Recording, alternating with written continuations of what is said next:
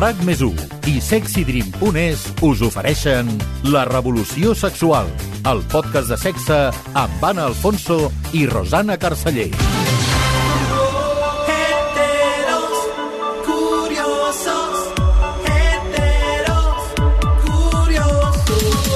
Heterocuriós o heteroflexible? Algú que s'identifica com a heterosexual però que està obert a tenir relacions o experiències amb una persona del seu sexe. En aquest capítol parlarem d'heterocuriositat i també d'homocuriositat, és a dir, gais o lesbianes oberts a tenir experiències heterosexuals. Avui ens preguntem si un home pot gaudir del sexe amb un altre home sense ser homosexual si això està més ben vist entre dones que entre homes i també on és la línia entre tenir curiositat i haver-nos de replantejar la nostra orientació sexual. De tot plegat en parlem amb Oriol Garcia, psicòleg especialista en temes LGTBI. Oriol, benvingut a la Revolució Sexual. Bones, com esteu? Eh, com definiries tu l'heterocuriositat, l'homocuriositat i la bicuriositat? A veure, aquests tres conceptes. Mm -hmm. A veure, al final podem fer-ho des de diferents perspectives, no? Si ho fem des de la perspectiva més biologicista, clar, ens centrem només en la conducta, no? Amb la conducta de estic tenint sexe amb persones del mateix eh, gènere o sexe que jo o, o amb amb persones del sexe contrari, no? Però clar, quan entrem dins de la perspectiva potser més social o més psicològica, aquí estem entrant a identitats, no? Llavors aquí entraríem amb, amb, amb tots aquests conceptes que s'estan començant a crear no? Des de, vull dir, fa un segle no existien totes aquestes sigles i totes aquestes categories. De les tres que m'heu preguntat, mm. clar, al final jo, jo el que crec és que són, són espais de, espais d'experimentació, de, no? Espais de, de pràctiques sexuals, clar, perquè aquí estem parlant només de pràctiques sexuals, no estem parlant de, de vincles més efectius o vincles més... que, que no siguin exclusivament sexuals. Clar, per mi les tres categories eh, estarien molt, molt, molt dins del mateix sac, potser des d'on de, des parteix no? la persona, des de si és un hetero que se sent més hetero però que té curiositat no? per provar experiències homosexuals, doncs es definiria com heterocuriós, no? O al revés, no? Des de l'altra banda, des d'un homosexual que vol provar, vol tafanejar una miqueta el sexe hetero, doncs l'homocuriós, no? I la bicuriositat, bueno, doncs seria aquesta ambigüetat que estaria pel mig, no? També. I per diferenciar-ho, si algú no ha sentit sentit a parlar, a quina diferència hi hauria, per exemple, entre una persona bicuriosa i una persona bisexual? Podria ser, per exemple, que el bicuriós només tingui curiositat i no ho hagi experimentat i el bisexual sí? Clar, al final una persona bisexual és que se sent atreta uh, físicament i diguéssim, efectivament per als dos sexes, no? Les, la, la dicotomia aquesta no? entre home-dona, un bicuriós Efectivament, no? jo crec que no, no, no entraria no? a, a, a poder-ho experimentar o no poder-ho experimentar, potser es quedaria només amb, amb aquesta imaginació, o potser no, eh? o potser eh, és, un, és un moment d'una etapa vital on se sent còmode amb aquesta categoria, no? amb aquesta identitat, i vol poder no? experimentar la seva eh, orientació sexual, no? les seves pràctiques, i, i se sent còmode amb aquesta, amb aquesta categoria. I pot ser que al darrere de dir soc heterocuriós o soc bicuriós hi hagi una LGTBI-fòbia interioritzada, és a dir, no vol identificar-se com a homosexual o com a bisexual, per mm -hmm. exemple? Clar, és perillós, no?, al final, poder um, utilitzar aquesta categoria no, sense perdre no, els teus privilegis d'hetero, no? de dir, estic fent pràctiques no heterosexuals, però em mantinc amb la, mateixa, amb la meva identitat, no? amb els meus privilegis que, que m'atorguen no? identificar-me com a hetero. Però alhora és possible també que no hi hagi cap mena d'homofòbia interioritzada i simplement una persona, de fet conec algunes, alguns homes heteros defini, que es defineixen com a heteros, casats amb dones, però que de tant en tant eh, tenen sexes amb homes perquè troben altres, altres experiències o altres rols o altres altres pràctiques que, doncs, en certs moments se senten més plens, no?, amb això. Per tant, un home que tingui relacions amb altres homes pot gaudir-ne sense necessitat de ser homosexual? Clar, és que al final que tots, tots aquests conceptes jo crec que el, el que fan palès és, és aquesta, aquesta fragilitat no? de, de la dicotomia, no? d'aquest binarisme entre home-dona, homosexual, heterosexual... Vull dir, fa, no, diria, la, el terme homosexual no tampoc fa tants anys que existeix com a, com a terminologia, no? I tots aquests termes de bi, curiós, no? Més, més que la curiositat, són molt, molt nous.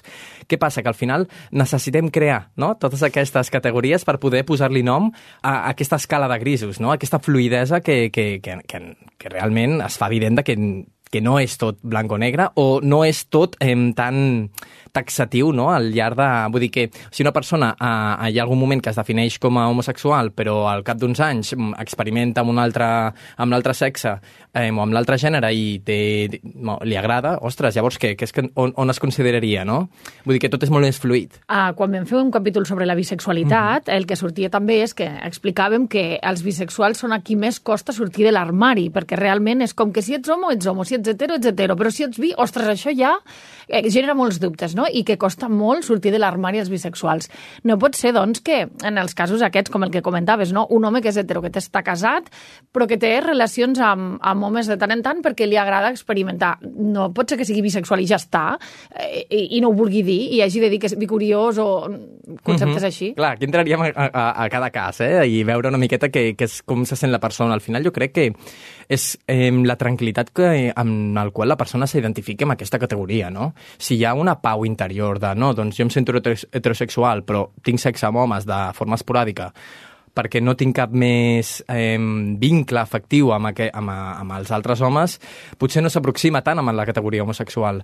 Però al final jo, jo ho redueixo tot a com se sent la persona. No? Si la persona ho pot dir amb tota la tranquil·litat del món, no? doncs em soc hetero, però a vegades tinc sexe amb homes, o no, o ho diu amb la boca petita, no? i de forma dissimulada, de fet, amb les aplicacions de, de ligue a homosexuals, molts cops hi ha aquestes etiquetes, no? doncs soy homo curioso, o soy eh, hetero curioso, discreción. No? Aquí potser sí que denotaria una miqueta d'homofòbia interioritzada, no? Mm. Clar, és en aquests casos. Primer, en aquests casos en què hi ha gent que ho diu, potser per por de sortir de l'armari seria LGTBI-fòbia interioritzada. I també parlo d'experiències de, de, gent del meu voltant de, de sentir en entorns homosexuals, gent que diu, sí, clar, aquest uh, diu que és heterocuriós perquè no vol sortir del barri perquè li fa vergonya dir que li agraden els homes. És, és obvi que si tens relacions amb homes i ho gaudeixes, no, no és la diferència entre gaudir de relacions amb homes i que t'agradin els homes. Bueno, al final jo com crec... expressar-ho, no? Com dir-ho, com t'atreveixes a dir-ho, no? Uh mhm. -huh. I que al final jo crec que això és el que, el que es fa evident, doncs, no? tota aquesta, aquesta taxonomia obsoleta no? d'utilitzar els termes de soc heterosexual, però tinc sexe amb homes, don, o no, soc homosexual, i pot ser que no tingui sexe amb, amb, amb persones del mateix sexe, no? Vull dir que al final també no, no es pot reduir tota la sexualitat. De fet, hi ha algunes, hi ha algunes corrents no? eh, més teòriques que apunten de deixar d'utilitzar el terme homosexual o bisexual perquè ho redueix tot el sexe, no? I una miqueta la, la proposta és comencem a parlar de diversitat de gènere i, comencem, i diversitat sexual i no reduir tot no, a, a aquestes pràctiques sexuals. I també el que, el que comentava la Rosana d'aquest capítol que vam fer sobre la bisexualitat amb el psicòleg Dani Borrell, parlàvem de que l'orientació sexual la tenim entesa com una cosa molt estàtica, no? jo sóc bisexual, jo sóc lesbiana jo sóc heterosexual, i que potser, i que realment ell el que ens deia és que es fluctua molt més, que pot anar variant en el temps i que pot anar canviant. Totalment. Sí, sí, la mateixa persona en, en el mateix any pot sentir les tres categories. Alhora, també és, és, és, és cert que hi ha vegades que pot utilitzar-se com un espai de transició no? d'una persona no? definida com a hetero um, tingui aquesta curiositat o noti aquesta atracció cap al mateix sexe i utilitzi no? un, un espai de transició sentint, no? identificant-se com a bicuriós o heterocuriós quan realment ho acaba provant, potser li acaba agradant i al final s'acaba sentint simplement com a homosexual. Vull dir que al final també eh, dona la porta no, a trencar amb aquest mur heteronormatiu de, bueno, anem a experimentar, anem a provar, anem a fluir. L'actriu Agnès Busquets ha publicat la seva primera novel·la, No ho sé, digue-m'ho tu, i aquí la protagonista, la Dúnia, explica des del principi, no estem fent ara cap spoiler, la bicuriositat o heterocuriositat que ha sentit des de ben petita. N'escoltem un fragment. Tot i tenir Barbie sempre m'han agradat els pits petits. Potser precisament per això, perquè els trobo més reals i més andrògins. Això potser m'indulta. Tenir somnis on acaricies pits petits i penetres dolçament mentre orgasmes des de dins et fa ser lesbiana? Desitjar et fa ser? L'hàbit fa el monjo? Per un perro que maté? Bé, que quiero matar? Seré mataperros? Envejo les noies de 20 anys que defugen o simplement obvien o ignoren les etiquetes. Oriol, com li passa a la Dúnia, eh, que és dona i somia que penetra algú acariciant uns pits, vol, vol dir que és lesbiana, vol dir que és eh, heterocuriosa, mm -hmm. què vol dir? Això només ho podrà contestar ella mateixa, no? Al final, el que necessita, no?, una miqueta per part... Entenc que és un adolescent, no?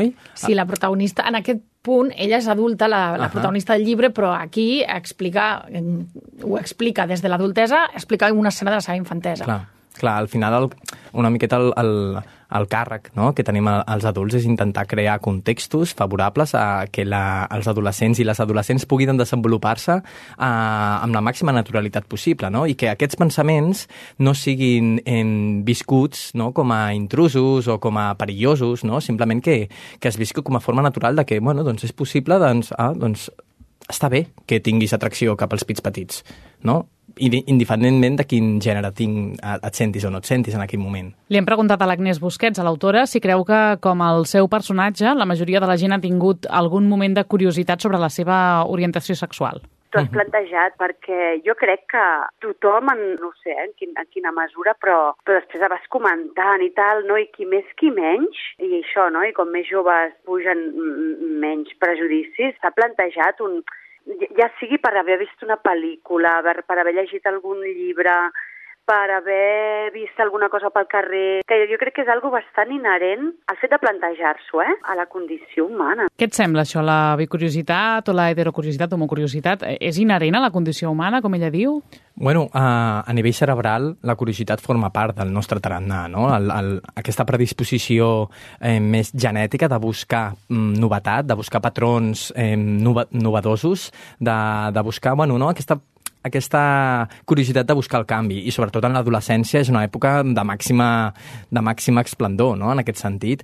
Uh, a nivell cerebral tenim aquesta predisposició. Llavors, clar, quan estem en l'adolescència, en un procés d'identitat, en un procés de reafirmar-nos, de buscar-nos, no? de tafanejar no? una miqueta, lògicament és normal que ens plantegem la nostra sexualitat, sobretot ara que estan començant a sortir referents eh, no normatius, no heteronormatius, no? referents LGTBI, eh, que això permet permet no, eh, plantejar-se no, la, bueno, un mateix i una, mateixa cap a bueno, què és el que jo, on em sento més còmode. Una altra reflexió que fa la Dúnia a la novel·la de l'Agnès Busquets és que enveja les noies més joves que passen de les etiquetes.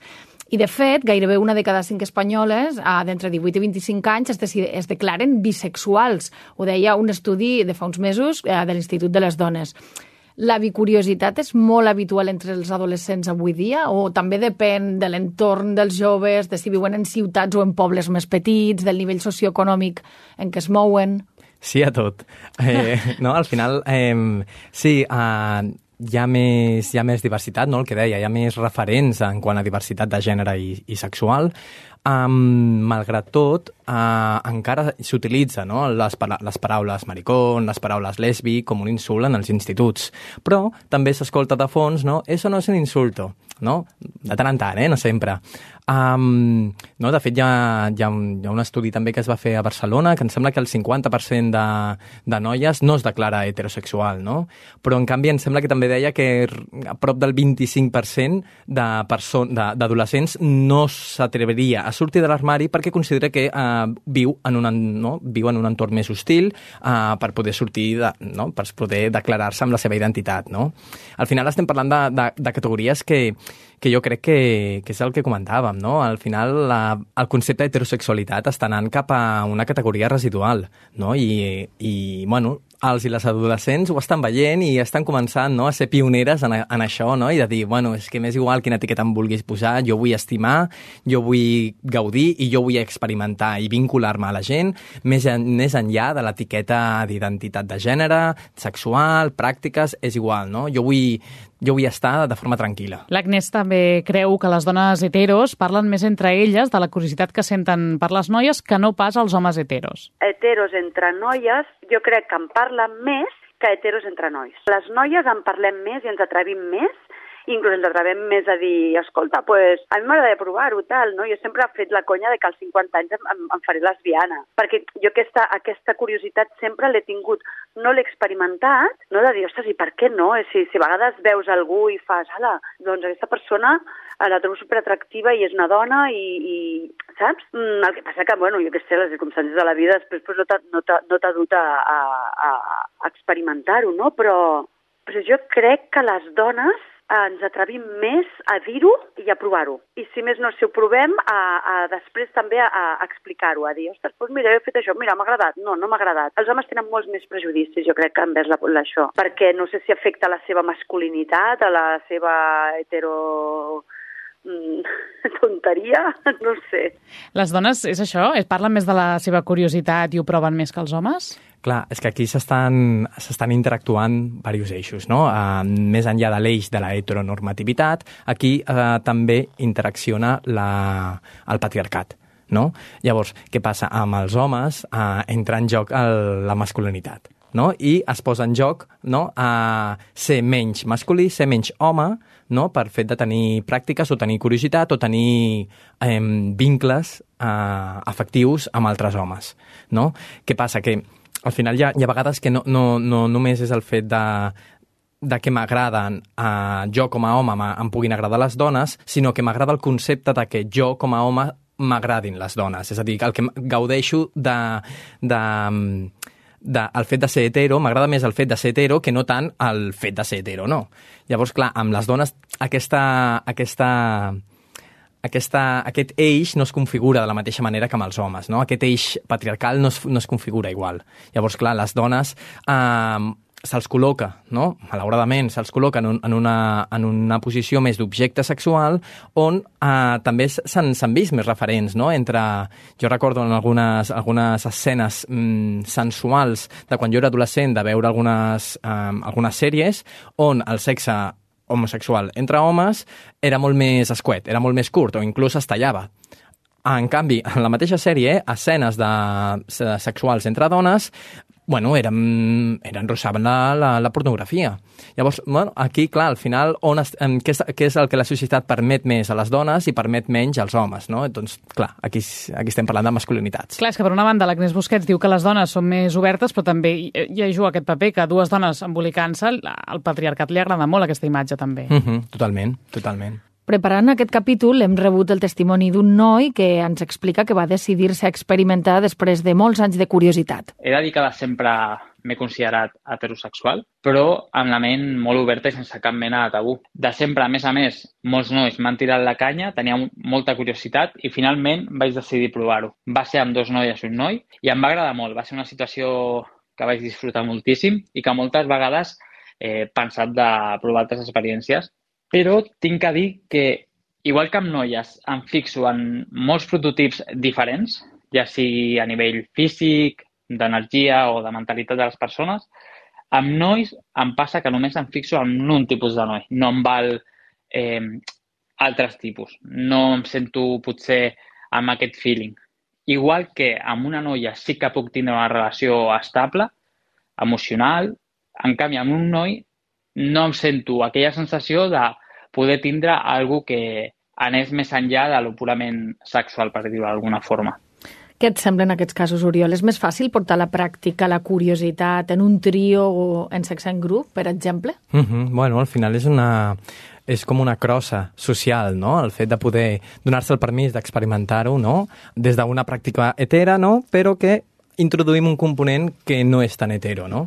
I al final això és el, el que dona permís, no?, també a, a poder experimentar, no?, a, a poder tafanejar una miqueta amb tot això. I aquest noi que acabem de sentir també ens deia que amb una noia sí que tindria una relació, però que amb un noi no aniria més enllà del sexe. Podria ser que fos aquesta la clau de la diferència entre ser bicuriós i ser bisexual? Clar, al final eh, el, ho estem reduint tot a, a les conductes, no?, les, eh, de, de què estem parlant, no?, per, quan, quan parlem de bisexualitat, quan parlem de mm, bicuriós, quan parlem d'heterocuriós, jo, jo no m'atreveria a fer una, una afirmació categòrica de doncs això serà així, perquè realment encara tot això no, no, no surt al diccionari, no? A, a nivell social, em refereixo, eh? Al final jo, jo crec que és més l'estil de vida que porta la persona, no? Perquè pot ser que, jo, jo crec moltes persones, no? Moltes dones que es, es, es consideren bisexuals, que han tingut relacions llargues amb dones, però ara estan casades amb un home, amb fills, i ara no es planteja no? el, el, el fet de, de poder tenir sexe o relació, una relació amb una dona, um, perquè ja ha agafat un estil de vida potser més heteronormatiu, no? doncs a la casa, el gos, no? que, que és igual de vàlid, eh? però al final jo crec que ho definiria no tant la pràctica sexual, eh, orientació afectiva o no, sinó l'estil de vida que porti la persona, no?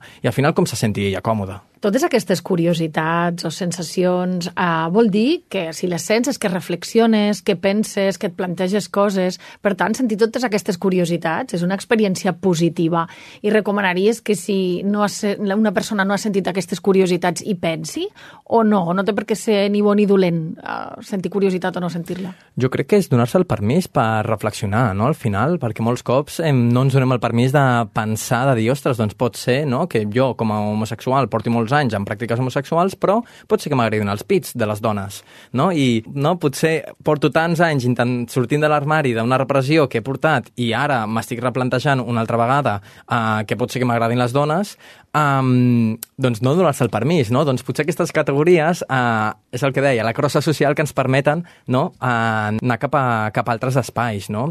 I jo crec que també hi ha un punt bo a nivell del mercat sexual, no? Que al final eh, estem deixant ben clar d'on partim no? I, cap, i què és el que volem, no? quin és el nostre desig. No? Doncs hi ha persones, hi ha persones homosexuals homes que només els agraden els heterocuriosos, no? per, bueno, perquè se'ls se, desperta un desig, se'ls desperta un, no? una atracció i, i bueno, no, al final jo crec que això també amplia, no? a, a clarifica no? tot aquest mercat sexual existent. Avui hem parlat de l'heterocuriositat, homocuriositat i bicuriositat amb Oriol Garcia, psicòleg especialista en temes LGTBI. Gràcies, Oriol, per aquesta estona amb la revolució sexual. A vosaltres i endavant amb la difusió perquè crec que és la, la clau de tot això. De fet, uh, bueno, aprofito per comentar-ho, uh, soc codirector d'un podcast de psicologia queer que parlem totes aquestes coses i jo bueno, crec que, que al final el que necessitem és anar, anar fent difusió per anar anar creant no, aquesta diversitat i anar-la ampliant, no? I tant. I com es diu el podcast? Uh, Mariconsulta, el podcast de psicologia queer. La revolució sexual, amb el suport de sexydream.es. Amb sexydream.es, el sexe no té tabús. Descobreix joguines eròtiques per a tothom, kits eròtics per compartir, llançaria i una pila d'idees sexis i atrevides per innovar i gaudir del sexe com mai. Compra a sexydream.es i rebràs la teva comanda en 48 hores. No esperis més i obre la porta al plaer amb sexydream.es. And the world never looked so bright. It's true, you bring out the best in me when you are around. Oh yeah, things keep getting better. I avui acabem proposant-vos una aplicació de cites en català per als homes de la comunitat LGTBI. És l'aplicació Gaudi, que fins ara estava disponible en anglès, en alemany i en castellà i que s'adreça a homes gais, bisexuals i queer. El motiu d'aquesta app és el gran volum de membres de la comunitat LGTBI que parlen en català. De fet, el nom de l'aplicació Gaudi, a banda de ser l'acció de Gaudí en català, en alemany també significa diversió. Núria Nicolàs, que és una de les persones que s'han encarregat de fer-ne la traducció, ha explicat a rac que és una aplicació que vol desmarcar-se del concepte d'altres apps de cites. Nosaltres ens volem enfocar més en, en, en, en trobar les, a la gent, en conèixer la gent, en quedar per fer un cafè, no només mm, trobades esporàdiques per sexe, no sé si és el que ens volem referir, o sigui, és una miqueta diferent. Des de Gaudi també expliquen que és una aplicació segura i totalment gratuïta. És una app segura. Eh, nosaltres, quan un usuari eh, es vol registrar, eh, el primer de tot, el que ha de fer per poder accedir a, a l'aplicació és verificar el seu perfil i si no ho fa, doncs no té accés a, a, a fer matx amb ningú o quedar amb ningú, o sigui, no pot. I a més a més, eh, treballem amb un algoritme que si detecta que algú eh, fa alguna cosa, diu alguna cosa eh, malament, doncs eh, li, hem, li fem tornar a verificar el perfil, o sigui, hi ha processos de seguretat i és completament segura. I amb aquesta proposta, com sempre, us desitgem salut i bon sexe. RAC més i sexydream.es us han ofert La revolució sexual, el podcast de sexe amb Anna Alfonso i Rosana Carceller i amb Àlex Arbiol al control tècnic.